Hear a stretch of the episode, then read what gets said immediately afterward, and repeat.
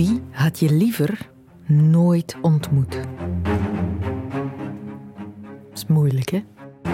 Welke hoop heb je opgegeven? Nog moeilijker, hè? Toch? Wie adviseer je zich te bedrinken? Dat is wat anders hè, dan Oest en Sava. En met de kindjes, hè? Het zijn vragen die de Zwitserse auteur Max Frisch in zijn dagboek verzameld heeft. Het zijn vragen die je recht in je zijn treffen, die je genadeloos pootje lap leggen, ontkleden en tot bekennen dwingen. Het zijn smerige vragen zelfs. Maar wel zeer geschikt om zo nog eens een goed gesprek met iemand te beginnen. Kwam zijn vragen tegen in een boekje, De Vragen van Frisch. En ik dacht, ja, een podcast over goede vragen. Wat zijn nu eens echt goede vragen om te stellen? Dus bij deze, welkom in de wereld van Sophie. Misschien even kort de man van de smerige vragen kaderen, die Max Frisch. Wie was dat? Wel, uh, Max Frisch was een uh, vrij aparte figuur wel, uh, zou je kunnen zeggen, in de wereldliteratuur. Zeker in de, ja, in de tijdje terug was hij eigenlijk meer gelezen dan nu. Dirk Leijman is dit, literair journalist voor De Morgen.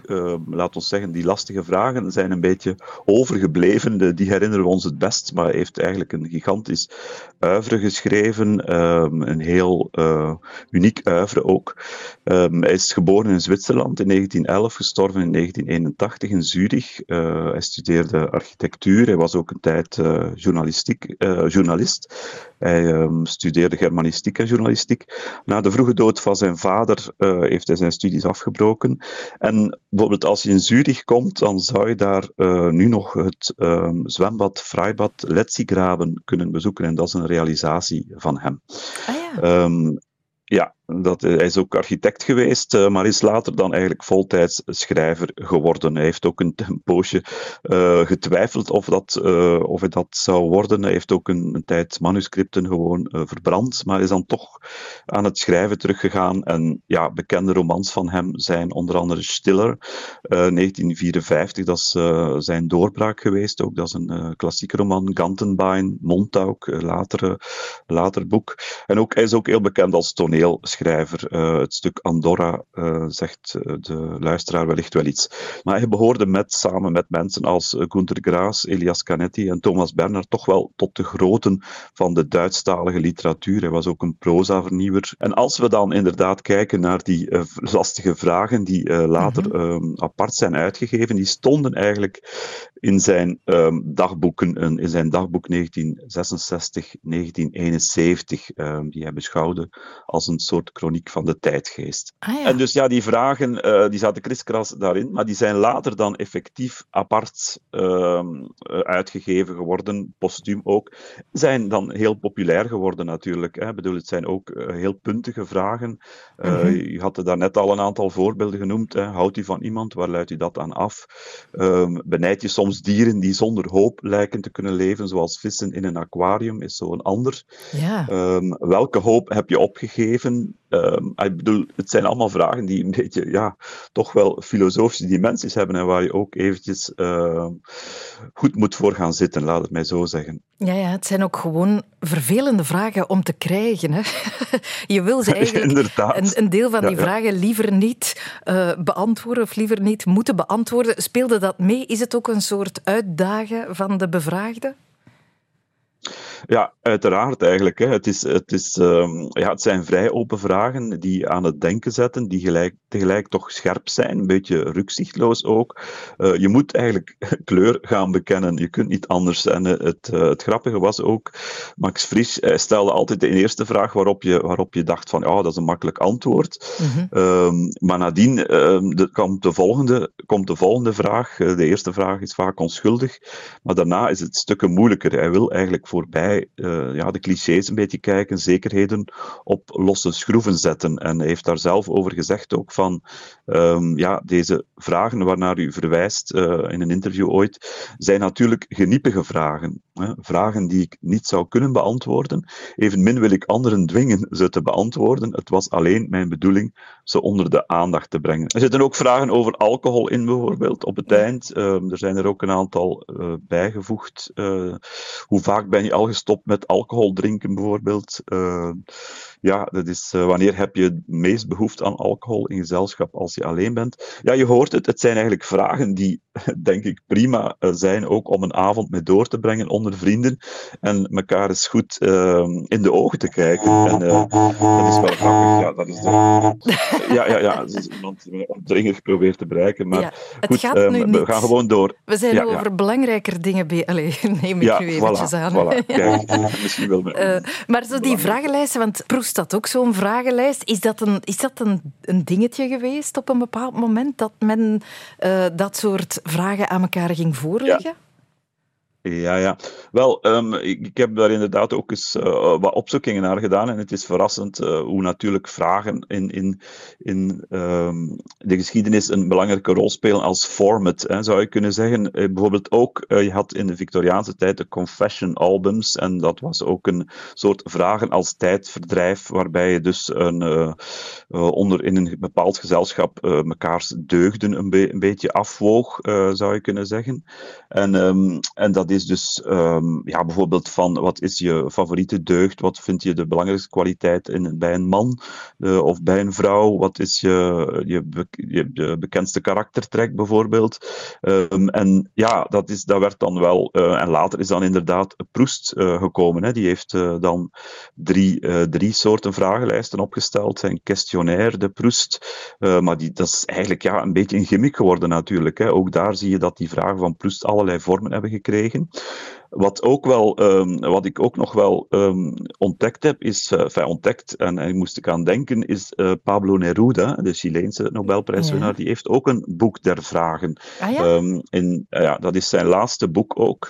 en dat is dus, ja, dus een boek waarin hij um, een dichtbundel waarin hij allerlei vragen, 74 gedichten, waarin 314 vragen zijn gesteld. En ook vragen die op het eerste gezicht simpel lijken, die waren eigenlijk ook bedoeld voor kinderen. Maar dat boek is toch ook wel populair geworden. Het is ook um, postuum uitgegeven. Hij werkte eraan tot aan zijn sterfdag. En zoals we weten is uh, Neruda um, ja, in, in, door de staatsgreep in Chili uh, in hachelijke omstandigheden overleden. Dus ja, maar het zijn, zijn dus ook, uh, het boek is ook in het Nederlands uh, wel uitgegeven, maar ik denk niet dat het nu nog beschikbaar is. Maar dat zou misschien een uitgever toch wel eens moeten uh, doen terug. Ja, want het is ook een heel apart boek. Je hoorde mijn enthousiasme daar, hè? Ik had er nog nooit van gehoord, dus ik ben dat boek der vragen van Neruda eens gaan opzoeken. Simpele vragen, zei meneer Leijman. Moet eens luisteren. Smoezelt de rook met de wolken? Is ons leven niet een tunnel tussen twee vage klaarten? Is het waar dat alle hoop besproeid moet worden met dauw? Dat is, hè? Dus je staat op café. Ah, wie ben jij? Oh, ik ben Sophie. Zeg, is het waar dat alle hoop besproeid moet worden met dauw? dat gaat toch niet? Daar ga je ook niet mee naar huis met dat soort figuren. Maar goed, die van Frisch, die wilden we uittesten. Kom je tot een goed gesprek als je die vragen ergens terstond uit je mouw schudt? Zou je, zelfs met een wildvreemde, tot een goed gesprek kunnen komen wanneer je die vragen bovenhaalt? Max Vrijes ging op pad. Hoop je op een hiernamaals? Ergens wel. Ik weet niet waarom, maar gewoon... Het lijkt me eng als dat zo gewoon ineens gedaan is. Hopen wel, maar ik geloof er niet in. Goh, ja, ergens wel, denk ik. Omdat je ergens hoopt dat er toch nog iets is. Omdat het maar raar zou zijn als het stopt. En dat ik ergens wel denk dat er iets blijft bestaan. Hoe zou het eruit zien? Goh, ik denk gewoon een nieuw leven, denk ik. Gewoon opnieuw beginnen en niks meer weten. Nou, ik hoop er wel op. Maar ik denk niet dat het zo is.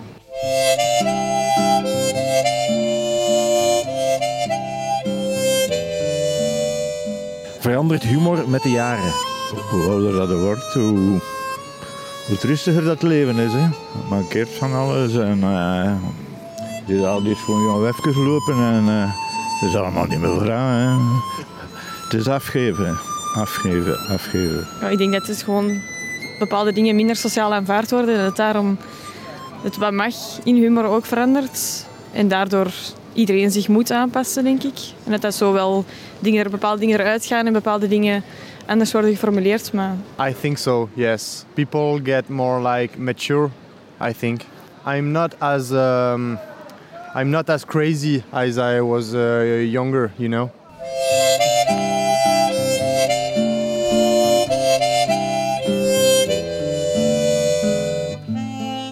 Wat vindt u van baby's? Hangt er vanaf op welk moment van mijn leven. Schattig, leuk, maar eh, heftig, veel geld.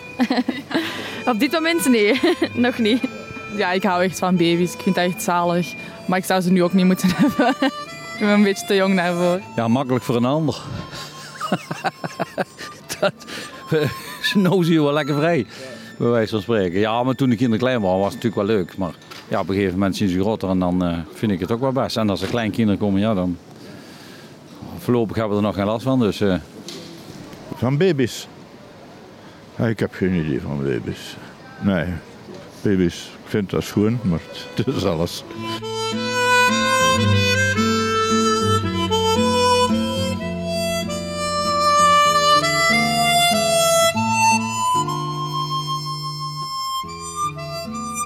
Hoeveel vrienden heeft u op dit moment? Nou, acht vrienden, dat zijn er niet zoveel, denk ik.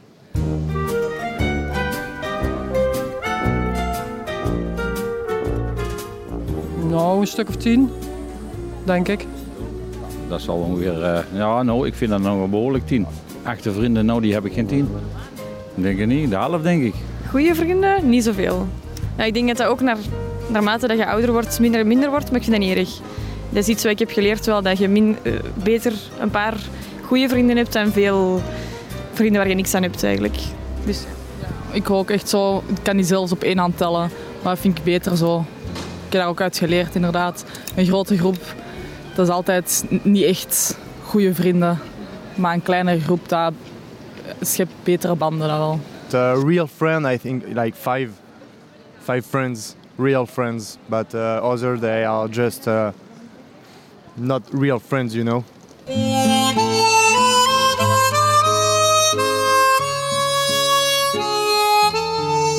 Hoeveel vrienden heeft u op dit moment? Geen. Ik ben 87 jaar, dus ze zijn allemaal dood. of bijna. En de die die niet dood zijn, die gaan met, met een kruk of met, eh, met, met, met zo'n karretjes.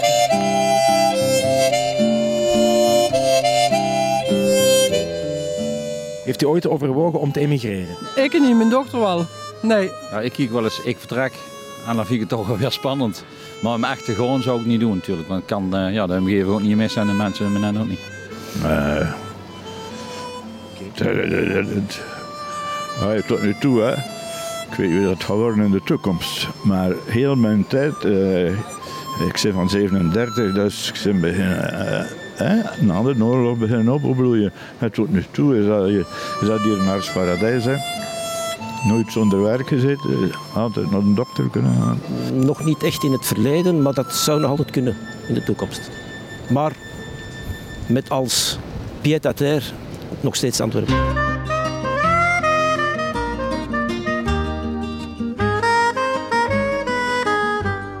Van wie is volgens jou de lucht? Oei, dat is een heel moeilijke vraag. Ik weet niet. Van de planeet, ik weet dat niet. Nee, ik heb echt geen flauw idee. Daar kan ik geen antwoord op geven. de lucht van iedereen. Uh, nobody or, or everybody. Van wie is de lucht? Ik denk van alle mensen op de wereld. van iedereen. Ik zou wel zeggen van Poetin. Welke ervaringen die je hebt opgedaan onder invloed van alcohol zou je niet willen missen? Goh, nu niet dat ik iets zo speciaal heb gedaan of zo. eh, maar ja, je hebt wel leuke avonden natuurlijk. Of Impulsieve dingen die je doet. Goh, nee, bij mij zou ik gewoon vrienden kennen, want ik was met twee vrienden naar Fuerteventura gegaan en daar dan hebben we een hele groep leren kennen en zo. Ik heb ook ooit wel eens oortjes gestolen. Maar... Ja, AirPods. AirPods. Eh, De, de Apple AirPods. Ja, maar die lagen op tafel. Maar het is niet, allee, daar zat niemand meer, dus ik dacht, ik pak die gewoon mee. Dat was onder invloed van drank. Ja, ja.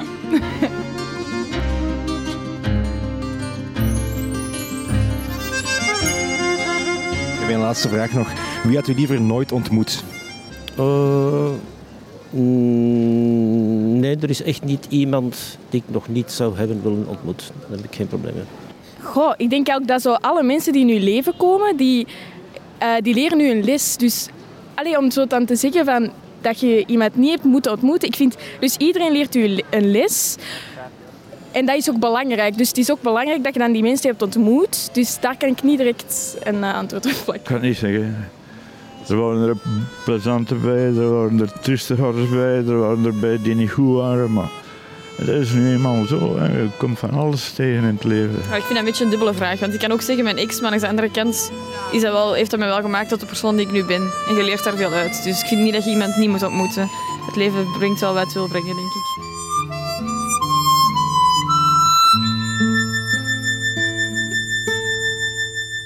Wat zijn echt goede vragen? Max Frisch reikt er ons een paar aan. Maar Marcel Proest dus ook. De vragen van Proest die worden nog wekelijks in de morgen beantwoord door allerlei bekende mensen. Maar wat ik mij afvroeg, hij is auteur van À la recherche du temps perdu. Toch een gigantisch literair meesterwerk. Wat bezielt zo iemand om dan een vragenlijstje te gaan maken waarin hij vraagt naar iemands lievelingseten, naar wat iemands favoriete kleur en bloem is, want dat is ook een vraag uit die lijst. En dat heb ik dus voorgelegd aan Alexander Roze, docent Franse literatuur aan de Universiteit Gent. En, schokkende vaststelling, Um, het is zijn lijstje al niet, het zijn zijn vragen niet. Hij heeft het er nooit over gehad. Ah, ja. Hij was wellicht zelfs vergeten dat hij dat lijstje ooit heeft ingevuld. Ah bon? Ja, het is een lijstje dat hem werd voorgelegd door een jeugdvriendin. Die jeugdvriendin heet Antoinette Faure. Um, de overigens dochter van de president later. En dus zij heeft een schriftje, een schriftje dat je in, in Vlaanderen kennen we zoiets als een poëzie, dat je voorlegt aan je vrienden als je wat jonger bent. En bij Mhm. haar heet het Confessions. Het is een um, boekje dat in het Engels is opgesteld en uh, ze legt het voor aan haar vriendenkring. En, en die mensen antwoorden allemaal in het Frans. Zij was 13, Marcel was ongeveer 15, 16. En die, hij antwoordt op die vragen. Um, en dan verdwijnt dat lijstje.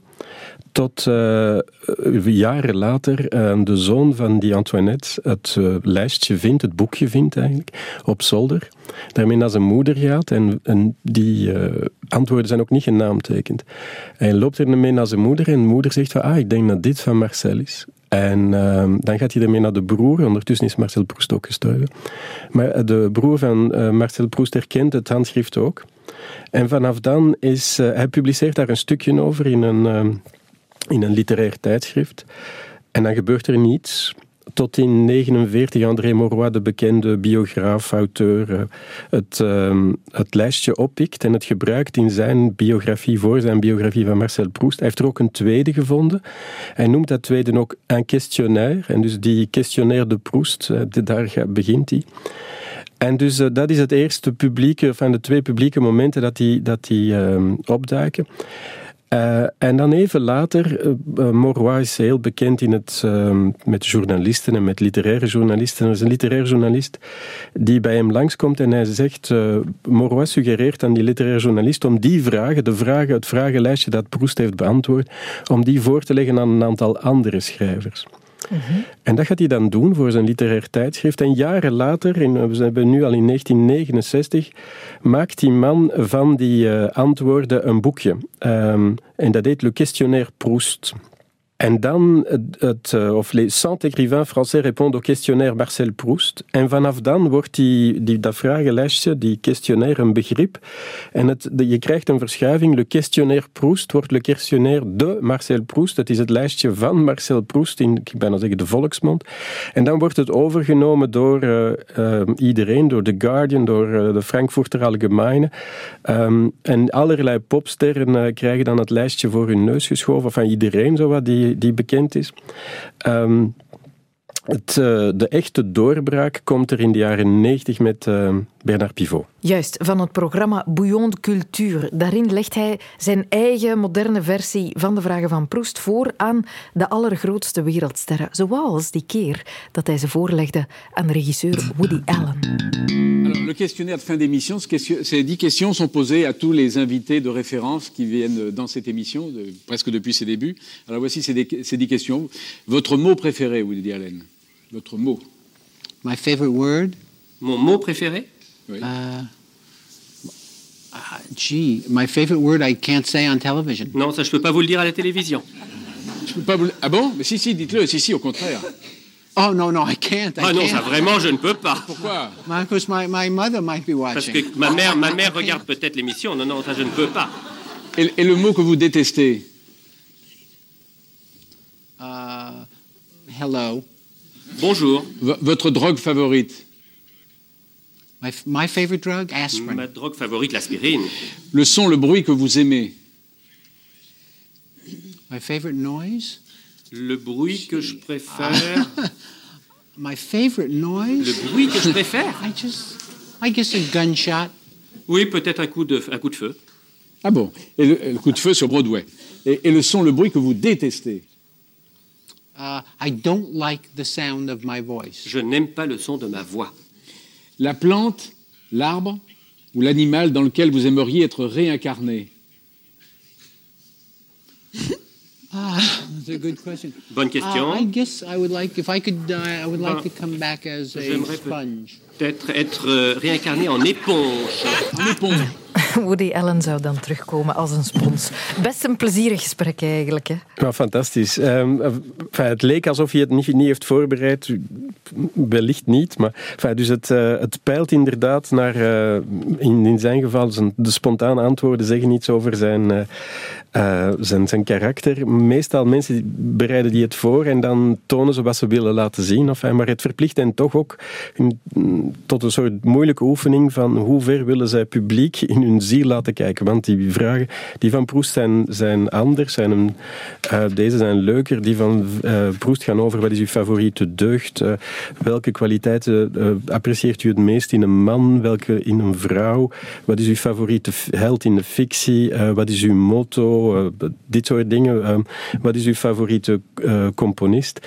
Dus hier, bij die van Proest, en we, we hebben het over de 19e eeuw, eind 19e eeuw, waar die lijstjes circuleerden, kan je veel meer je, laten we zeggen, je culturele bagage etaleren. Mhm. Ja, ja. Het, is minder, het zijn minder geniepige vragen ook dan die van Max Frisch bijvoorbeeld. Ja, absoluut. Ja, ja, ja. Dus het, het, eh, je voelt enfin, dat het de vraagjes zijn eind 19e eeuw die voorgelegd werden aan een culturele elite, die, die, die ook de tijd neemt om daarop te antwoorden, die ook de eh, bagage heeft om daarop te antwoorden. Hè. Ja, ja, tieners bovendien, die het eigenlijk... Want eh, het meisje dat de eerste reeks opstelde was dertien. Ja, ja, absoluut. Ja. En enfin, die, die dat voorlegden, hè. de reeks dus die, die circuleerde. Blijkbaar heeft Tolstoy ook op die vraag geantwoord, weet ik wie, Marx ook. Dus dat, dat circuleerde breed, maar effectief, je kreeg vragen als eh, wat is uw favoriete held in de literatuur? Eh, wat is uw favoriete held in het, in het echte leven? En dan antwoordt Proust, Socrates, Pericles, dus 15 jaar oud, eh, Mahomet, Mohamed, Musset, Plin, Plinius en Auguste, Augustin Thierry, de, de historicus. Dus ehm, de jongen heeft al iets gelezen. Ja, ja. Leren we hem eigenlijk beter kennen, Proust, door zijn antwoorden te lezen? Wel, hij heeft het drie keer beantwoord, dat lijstje. En dan zie je toch een vorm van evolutie. Dus de 15-jarige, 16 jaar zijn twee constanten. Uh, eh, Proest houdt van zijn moeder en ook van zijn grootmoeder. Ehm, en dan de andere constante is, ehm, hij hongert naar liefde. Dus de adolescent en de jongvolwassene, dus het derde, antwoord, of het derde lijstje beantwoordt als hij 19 is. En dan voel je die honger naar liefde, naar de honger om bemind te worden. Dat is constant bij hem. Ehm, aandacht voor het goede leven. maar dan de verschillen, die zijn ook interessant. Dus je ziet hem rijper worden als je wilt. Hij, heeft, eh, maar hij kleeft minder. ehm, aan zijn, zijn eh, schoolprogramma. Ehm, antwoord eh, diepgaander. En, maar dan de, grootste evolutie ziet je in die zeggen, ontluikende homoseksualiteit bij hem. Op de vraag van wat zijn de kwaliteiten die een man wil eh, toeschrijven en wat, wat apprecieer je bij een vrouw, antwoordt hij eerst nog op een heel, ehm, wat we zeggen, eh, klassieke manier. Bij de man wil hij intelligentie, bij de vrouw wil hij zachtheid. Hè. Dat is hij 15 jaar. En als hij 16 is, dan antwoordt hij iets heel anders. Dan zegt hij bij een vrouw of bij een man eh, apprecieer ik de charme féminin, dus het vrouwelijk kantje van die man. En bij de vrouw eh, apprecieer ik vooral de vertu d'homme, dus deugden die je aan een man, met een man associeert. En de vertu d'homme, dat is la franchise dans la camaraderie. Dus hè, een soort oprechtheid in, in, ehm, de kameraadschappelijke opgang. Dus je krijgt een soort androgyn ideaal dat hij dan met 19 eh, durft te formuleren. Terwijl bij, als hij 15 is of 16 zit hij met veel klassiekere geëikende antwoorden. Ook interessant eigenlijk, hè? om de vragen na een paar jaar nog eens aan iemand opnieuw voor te leggen, om te zien wat er veranderd is in tussentijd. Maar dus dat waren de vragen van Proest, of ja, van voor eigenlijk, want dat is weer dat de vrouw die ze allemaal bedacht heeft totaal vergeten wordt. De vragen van voor. Ehm, je hebt ook de vragen van Aaron. Arthur Aaron, een Amerikaanse psycholoog die een plannetje had. Hij had een set gemaakt van 36 zeer persoonlijke vragen. Vervolgens had hij al zijn studenten in duo's opgedeeld. Hij koppelde willekeurig telkens twee studenten aan elkaar. Dan gaf hij de helft van die studenten de opdracht om 90 minuten in duo met elkaar te babbelen over willekeurige onderwerpen, wat maar in hen opkwam. De andere helft gaf hij die vragenlijst. Zij moesten gedurende 90 minuten op die vragen antwoorden. Wat Arthur wilde te weten komen was of je mensen door hen de juiste vragen te laten stellen aan elkaar kon doen verliefd worden. En wat bleek? De koppels die elkaar leerden kennen door die 36 vragen te beantwoorden, die voelden nadien een grotere intimiteit. Een aantal koppels gaf aan dat ze nadien gevoelens kregen voor elkaar. Eén koppel is zes maanden na de test getrouwd. Arthur dolcontent. En sindsdien circuleert die lijst op het internet als de lijst die mensen verliefd kan doen worden. Nu moet ik wel daarbij toch vermelden om fake news te vermijden. Het is een test uitgevoerd op enkele tientallen studenten, toch vaak iets wat hitsiger studentenkoppels. Dat lijkt me niet de strakste bewijsvoering dat de lijst werkt. Maar het intrigeert wel.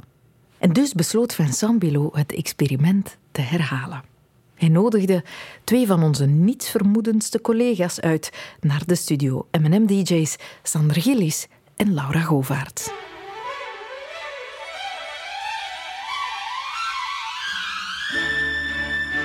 Dag Laura.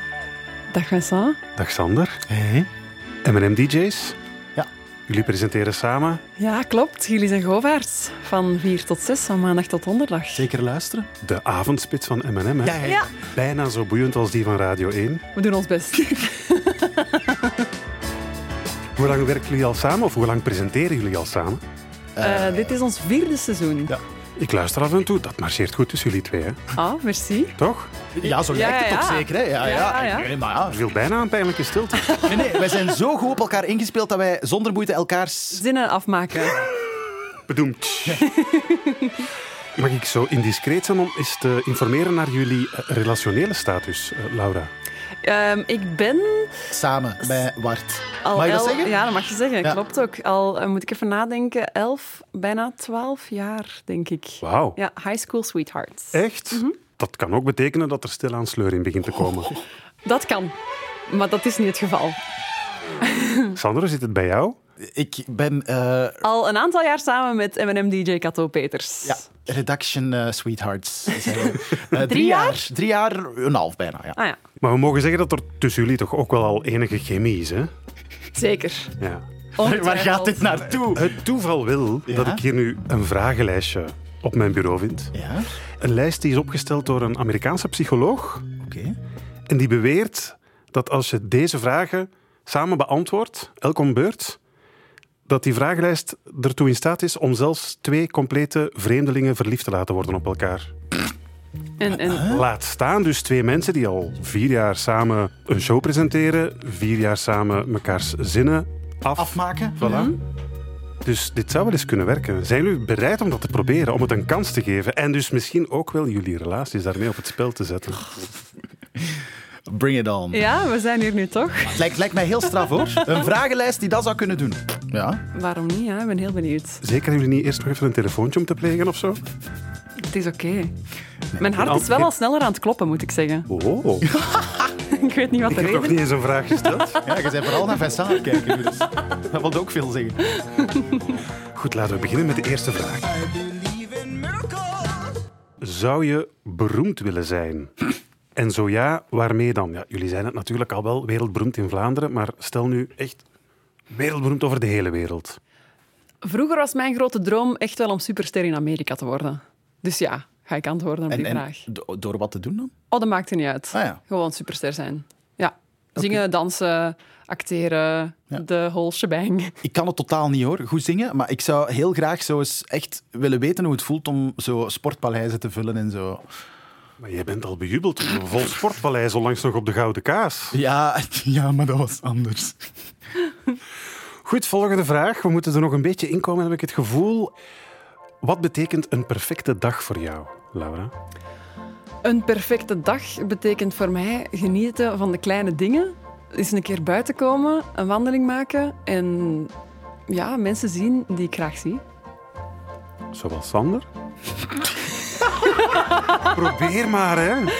Ehm, ja, misschien met Sander, waarom niet? Iets gaan drinken, ik weet niet. Of oh, ja, familie zou ik dan ook wel eerder Ah, ja. denken. Ja. Ja, Hoe ziet jouw perfecte dag eruit, Sander? Ik heb er afgelopen zaterdag was vrij tot zeer perfect eigenlijk bij mij. Ik heb geknuffeld met mijn kat. Ik ben in de tuin een beetje gaan werken. Dan eh, heb ik eh, stoofvlees gemaakt zelf. Was heel goed. Mijn beste so far. En dan s'avonds ben ik naar een eh, James Bond film gaan kijken met een symfonisch orkest erbij. En ik weet nog dat ik s'avonds dacht, dit was nu eens een perfecte dag. Kan je daar iets bij voorstellen? Dat je dat ook zou leuk vinden, zo'n dag zoals die van Sander zaterdag? Klinkt wel fijn. Ik ben wel niet zo geobsedeerd door James Bond als Sander. Ehm, maar het klinkt wel als een, als een, als een oké dagje, ja. Het is een dag die jullie eventueel ook samen zouden kunnen leven. Dus. Ja, maar, ja. ik voel het al wel komen, hoor. Ja, ja, ja. Eh, We komen er, we komen Ja. er. Zeg, er al iets aan het gebeuren eigenlijk? Want ik vind dat nu niet. Ik vind het een beetje Vragen saai, eigenlijk. Er komt echt niks. En zelfs, er is zelfs geen aanzet tot iets dat nog zou gebeuren. Dus Nee. ja. Ik ga er nog eentje proberen dan. Hè. Ehm, noem eens elk drie dingen die jullie denken met elkaar gemeen te hebben. Wat hebben wij gemeen, Sander en ik? Wij lachen graag. Ja. Ik denk dat we allebei ook wel houden van, van de natuur. Ja, dat ging mijn, dat ging mijn eerste ding zijn dat ik ging Ik zeggen. ben zo blij dat ik eerst mag. Ja, maar ik vind het wel mooi dat jullie hetzelfde wilden zeggen. Dat is wel waar. Oh, Dat is zo mooi. Ground, ik voel common ground. Ja, wauw, wat een verbinding. Ehm, en dan nog een derde ding. Ja, muziek denk ik sowieso. We werken allebei voor de radio, dus muziek verbindt ons. Ik zie Sander zijn ogen toch plots een beetje fonkelen. Ik denk gewoon omdat hij geen idee heeft wat hij nog moet Ik weet antwoorden. niet of dat Sander zijn verliefde blik is, dat is nog iets anders. ik ben de maar- hele tijd aan het denken, tellen eh, schattige dieren ook als natuur? Want dat, vind ik, dat, allee, dat verbindt ons ook, hè? Grote voorstander van schattige dieren. Schattige kleine Dat diertjes. is ook een open goal natuurlijk. Hè. Bij een vrouw beginnen over schattige diertjes, dat is altijd prijs, toch? Ja, Ja, maar, maar bij is- Laura extreem, hoor. Ja, maar als je over katten begint, dan is Sander helemaal verkocht hoor. Ja. En ik ben allergisch dus. Allergisch voor katten ook. Ja. Oei, en Sander heeft er een. Wij Ja. kunnen nooit samen zijn. ai. Helaas. Ah, gedaan. Ja. Helaas Amerikaanse filosoof. Star-crossed lovers. Laat het mij toch nog even proberen met een paar vragen. Come on, een spicy one. Ja, ja, kom aan. Dit, dit wordt hem, dit wordt hem. Zo vreselijk spicy zijn ze eigenlijk Kom niet. aan. Ehm, het meest betekenisvolle dat je al hebt bereikt in het leven. Sander mag eerst. Ik denk... oh, het is heel groot, eh, ruim of zo, maar ik denk gewoon... ehm, ik heb een... eh, Eigenlijk, waar ik nu sta in het leven, ben ik wel heel, heel blij mee. En daar had ik wel voor getekend, zoveel jaar terug. Je Gewoon... bedoelt in een studio van Radio 1. Ja, eindelijk. Snap het? Dit pakken ze mij niet af. Nee, ik bedoel, ik heb een superleuke job. Ik heb superveel leuke vrienden. Ik heb een, een toplief, wat niet Laura is. Eh, Nog niet? Lopen. eh, dus ja, nee, ik ben wel echt oprecht heel blij met mijn leven dat ik aan het leiden ben. Gewoon je leven. Ja, is dat te ruim? En misschien ook wel een beetje pedant. Wat ik heb bereikt, ook gewoon mijn leven. Dat, is- dat is wel waar. Maar moet ik dan zo cliché zeggen, ik, ik heb een gouden K gewonnen bij mijn afscheid van Ketnet. Ah, nu gaan we nog beginnen stoffen ook. Ah wel, ja, zie, maar dan, moet het dan wordt het dat. Wat was de vraag? Het meest betekenisvolle dat jij al hebt bereikt in je leven. Goh, maar bij mij is het wel iets emotioneels. Het is eh, bij het overlijden van mijn grootmoeder, aan ouderdom, ze was 90 jaar, was een heel triest moment in mijn leven, maar dat heeft de familie zo samengebracht en dat was zo warm dat er uit zoiets negatiefs zoiets moois kan voortkomen. Dat vond ik echt heel, heel pakkend. Dat klinkt zo cheesy of zo, maar voor mij was dat echt een moment dat ik besefte van dit is waar het om draait. Ja, Mooi. ja. Snap ik En we ook. waren ook genomineerd voor een kastaar. Just! Oh, dat ik dat kon vergeten. Maar niet bij de supernominaties, Nee. helaas.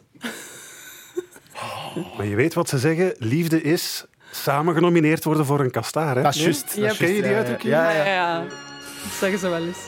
Oké, misschien moeten we het inderdaad wat persoonlijker beginnen maken. Laura, wat vind jij leuk aan Sander? Maar echt leuk. Ik vind het leuk aan Sander ehm, dat hij gewoon echt een vakman is. Hij werkt voor de radio met een hele goede reden dat hij daar gewoon supergoed in is. Hij weet wat dat hij doet. En eh, die weet wat werkt. En die, dat, dat klopt gewoon, het plaatje. Dat vind ik straf en daar heb ik heel veel respect voor. Jij kan goed op de juiste knoppen duwen, Sander. Ja, blijkbaar. Ik vind, Laura, Oh, ja. ik ga je vergelijken met een batterij. Oei. Ja, sorry. Sorry. Nee, ik, omdat jij altijd... Zeg jij opgeladen. En zeg jij er klaar voor. Ja? ik vind van wel. En jij zit altijd... Als we je iets vragen, is het zo... Oké, is goed, doen we. En jij, ja, jij zet wel zo een, een brok enthousiasme. Allee. Meestal, niet, niet altijd. Allee, Niet soms altijd, soms hè, heb je momentjes, maar jij zet wel zo een goede oplader. Eigenlijk, is, eigenlijk, eigenlijk wil ik u vergelijken met een oplader. Snap je? Jij kunt mensen opladen. Zonder Allee. dat je dat denk ik zelf altijd beseft dat je dat doet. Allee, dank u. Wauw. Nee, nee, ik laat gewoon even het moment het Ja, moment ja. zijn. Ik, voel, ik wil de spanning een beetje voelen. Je wilt het, dat het kan groeien of zo. Die, die is toch straan tastbaar nu, nee? Ja, ja. Nee. Welke rol speelt liefde en genegenheid in je leven? Ik heb zo een periode meegemaakt dat, dat ik geen, geen lief had. Mhm. En ik weet, in de periode dat ik zo niemand had, miste ik het wel om bij iemand te kunnen thuiskomen. En dat vind, dat vind ik heel fijn. Zo af en toe gewoon weten, ah, nee, ik ben thuis. Ik ben bij iemand die alles al weet van mij en die zo weet waar ik sta. En dat vind ik heel tof, zodat Mhm. tot rust kunnen komen of zo. Ja, een beetje zoals je op het werk hebt met Laura eigenlijk. Ja, Eigenlijk exact. wel. Ik dacht dat je het nooit ging zeggen, maar, Maar eigenlijk zo echt wel, is hè? het. Ja, We ja weten- nee, we nee. weten wel alles van elkaar. Dat is waar, wij kunnen wel heel goed op elkaar vallen en vertrouwen. We weten ook wel dat het goed komt. We voelen elkaar wel echt heel goed aan. Ja, ja, ik ja. Ik weet wanneer ik u moet rust moet laten. Met, met rust moet laten. ja, maar ook gewoon tijdens een, tijdens een, een show, dan, dan... Ik weet niet. Ja, dat marcheert gewoon. Er is wel een klik, hè. We gaan daar niet over liegen. Ja, dat is waar. Maar niet door deze vragen. En it's a wrap. Nog één vraagje misschien. Ehm, als je vanavond zou sterven, Oh. waarvan zou je dan het meest spijt hebben dat je het niemand hebt verteld?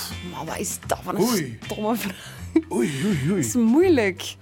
Vertel maar eerst. Ja, ik, ik ben nu spontaan aan het denken. Ik, ehm, ik hou wel echt van mijn ouders. En misschien zeg ik dat te weinig. Eigenlijk exact hetzelfde. Ja? Ja, niet om er gewoon gemakkelijk Mijn vanaf te ouders. zijn, maar Sander zijn ouders. Inge en Hubert. Ja, dat klopt. Die betekenen alles voor mij. Ik heb begrepen dat de belangrijkste voorwaarde voor een standvastige relatie tussen jullie eigenlijk wel al vervuld is, namelijk jullie vinden je schoonouders eigenlijk wel leuk. Dat is zo. Sorry, maar dit is een match made in heaven. Dat is nu wel een punt. Ja, dat is waar. Het zou iets kunnen worden. Gesteld dat, gesteld dat jullie nu single waren, hè, in een soort parallel universum. Het zou kunnen. Ik heb het gevoel dat je het heel hard En dan wil. zou, het dan zou het zeker aan deze vragenlijst liggen, toch? Je wilt eigenlijk bevestiging dat hem werkt, hè? Ja. Volgens mij werkt hem niet meer. Is hem uitgewerkt ergens 2017. Maar misschien is het ook het feit dat we in een radiostudio zitten met mensen erbij die op ons aan het kijken zijn. Ah, ja, ja, ja. En niet Oh. eh, kaarslicht. eh, In de sauna zonder kleren aan zou het beter werken. Ik snap Ik het. zou, ik zou dat exact nog eens doen met een micro in de sauna, inderdaad. eh, Kan een volgende stap zijn Morgen, onderzoek? morgenavond tijd? Maar dat is toch, Radio Druk, 1 druk, is druk. toch van de, van de langere, bredere onderzoeken? En, hè? Ja, ja zeker. Voilà. Ja. Ik eh, wens jullie toch eh, heel erg te bedanken. En ik hoop dat het gewoon al professioneel tussen jullie mag blijven klikken. Oké. wij hopen mee. Dank je. Dank je wel.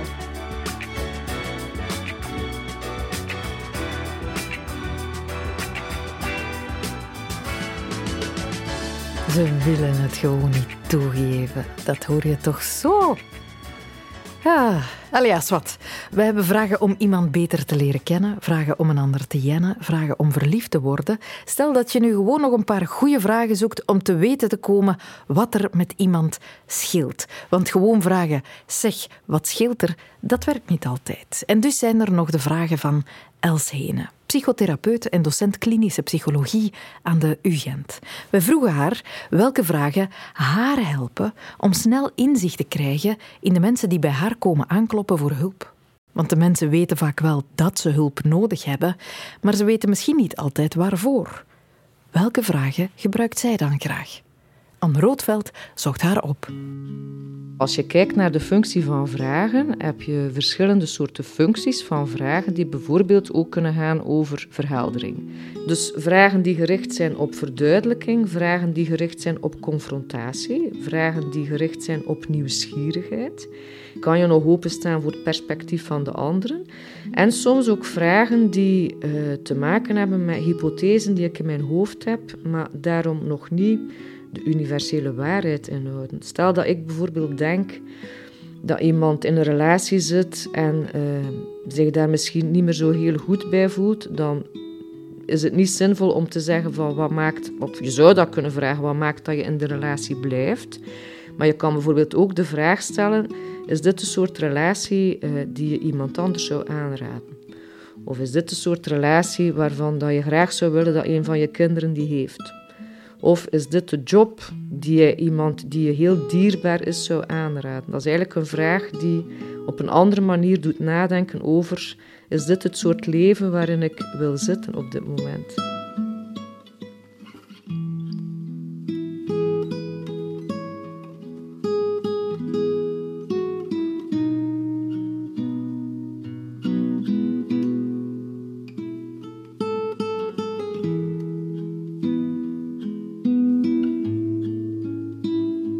Als ik zie door het non-verbaal gedrag dat er spanning ontstaat, dan ga ik er meestal vanuit dat we ergens op een thema zitten wat voor hen pijnlijk kan zijn.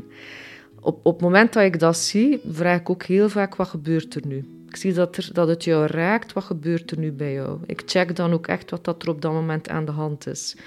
Um, het is eigenlijk ook de bedoeling dat je het ijzer uh, smeet als het heet is. Dus op momenten dat je, dat je voelt dat er bijvoorbeeld een thema is wat op dat moment anders liever uit de weg gegaan wordt, dat je probeert vandaar voorzichtig, want soms is dat ook door een hele kleine vraag, bijna fluisterend, iets heel banaal, door te vragen. Dat hoeft niet altijd heftig confronterend te zijn. Uh, als je bijvoorbeeld iemand hoort vertellen dat ze altijd maar op dezelfde manier dingen voor elkaar proberen krijgen en je voelt dat dat eigenlijk uh, betekent dat hoe meer dat ze van hetzelfde doen, hoe meer dat ze ook van hetzelfde krijgen, dan zou een vraag kunnen zijn, helpt het als je het zo doet? En het zijn soms door hele kleine veranderingsvragen. Je probeert een soort van kijkgaten in de muur te krijgen, waardoor dat zij ook weer meer zien op welke patronen of in welke valkuilen dat ze zichzelf honderdduizend keer herhalen. Hè. Um, het feit dat je ook uh, kunt vragen van waarover gaat het echt? Of wat ga jij nu uit de weg? Of wat is nu de functie van het gedrag wat je stelt? Betekent dat dan dat je iets anders uit de weg gaat? Maar het heeft niet altijd te maken met de grote vragen. Het heeft vaak ook te maken met voelen dat er veranderingsbereidheid is. En dat heel voorzichtig aftasten.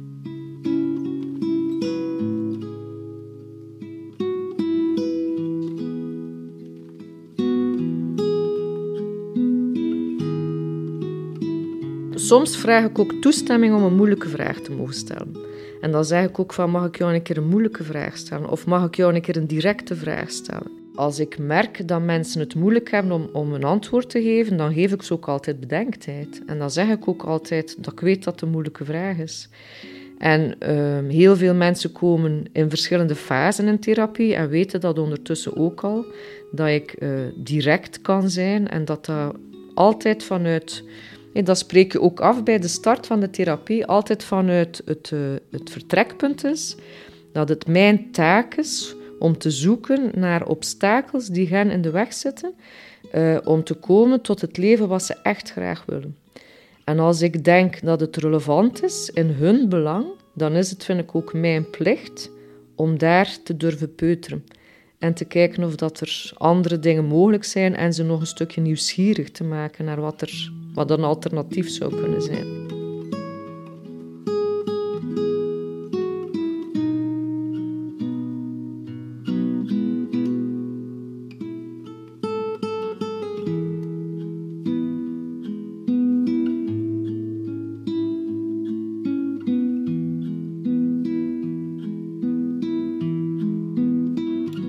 Je zou therapie kunnen zien als een soort van, uh, ja, bijna een ontdekkingsreis, vind ik dan. Van twee mensen die samen een traject afleggen en ik als therapeut ga proberen om de cliënt uh, dingen te laten zeggen die ze voordien nog niet konden horen, zodanig dat ze komen waar dat ze voordien nog niet durfden te zijn. Dus als ik mensen beluister, dan komen daar leefregels naar voren die gaan over hoe dat ze naar zichzelf kijken, hoe dat ze naar anderen kijken, hoe dat ze naar de wereld kijken. En die informatie klopt niet altijd. Dus heel veel dingen die wij denken, ja, klopt niet altijd. En dan kan het interessant zijn om door vragen te stellen te onderzoeken van klopt dat wel wat mensen daar denken? Of zou er ook een alternatieve verklaring kunnen zijn? Probeer ik ook een stukje vragen te stellen die dan meer als functie hebben van matcht dat dan met wat ik voel? Voelen ze nog wel wat ze voelen? Hebben ze nog wel een, een connectie tussen wat er in dat hoofd gebeurt en wat dat er in het lichaam gebeurt? En ook vragen die gaan over wie doe jij dat je bent? Hè? Wie denk je dat je bent? Wie voel jij dat je bent? Maar ook wie doe jij dat je bent? En het kan ook zo zijn dat er een grote, um, of dat er geen match meer is tussen de binnenkant en de buitenkant. En dat mensen eigenlijk, als ik de vraag stel, stel dat we jou zouden filmen vandaag, wat zouden wij dan zien? Of dat dat overeenkomt met wat ze denken dat ze doen en waarom. En wat ik ook eigenlijk bijna altijd vraag, dat is op het einde van de sessie van hoe ga je hier nu weg? Hoe, was het voor jou? Uh, ook vaak uh, vraag van heb ik goed naar jou geluisterd? Of is er iets wat jij nog had willen bespreken wat niet aan bod is gekomen? En bij de start van een tweede sessie, maar ook bij een volgende sessie vraag hoe was het na de vorige keer? Uh, hoe was het in tussentijd? En dat vraag ik ook vaak ja, in de loop van de behandeling.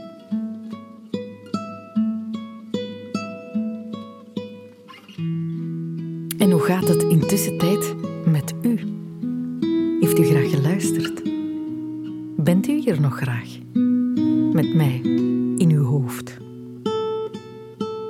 En als u nu echt zou moeten kiezen tussen ofwel duizend kleine tepels verspreid over je hele lichaam of één gigantische tepel die je hele bovenlichaam bedekt, wat zou je dan kiezen?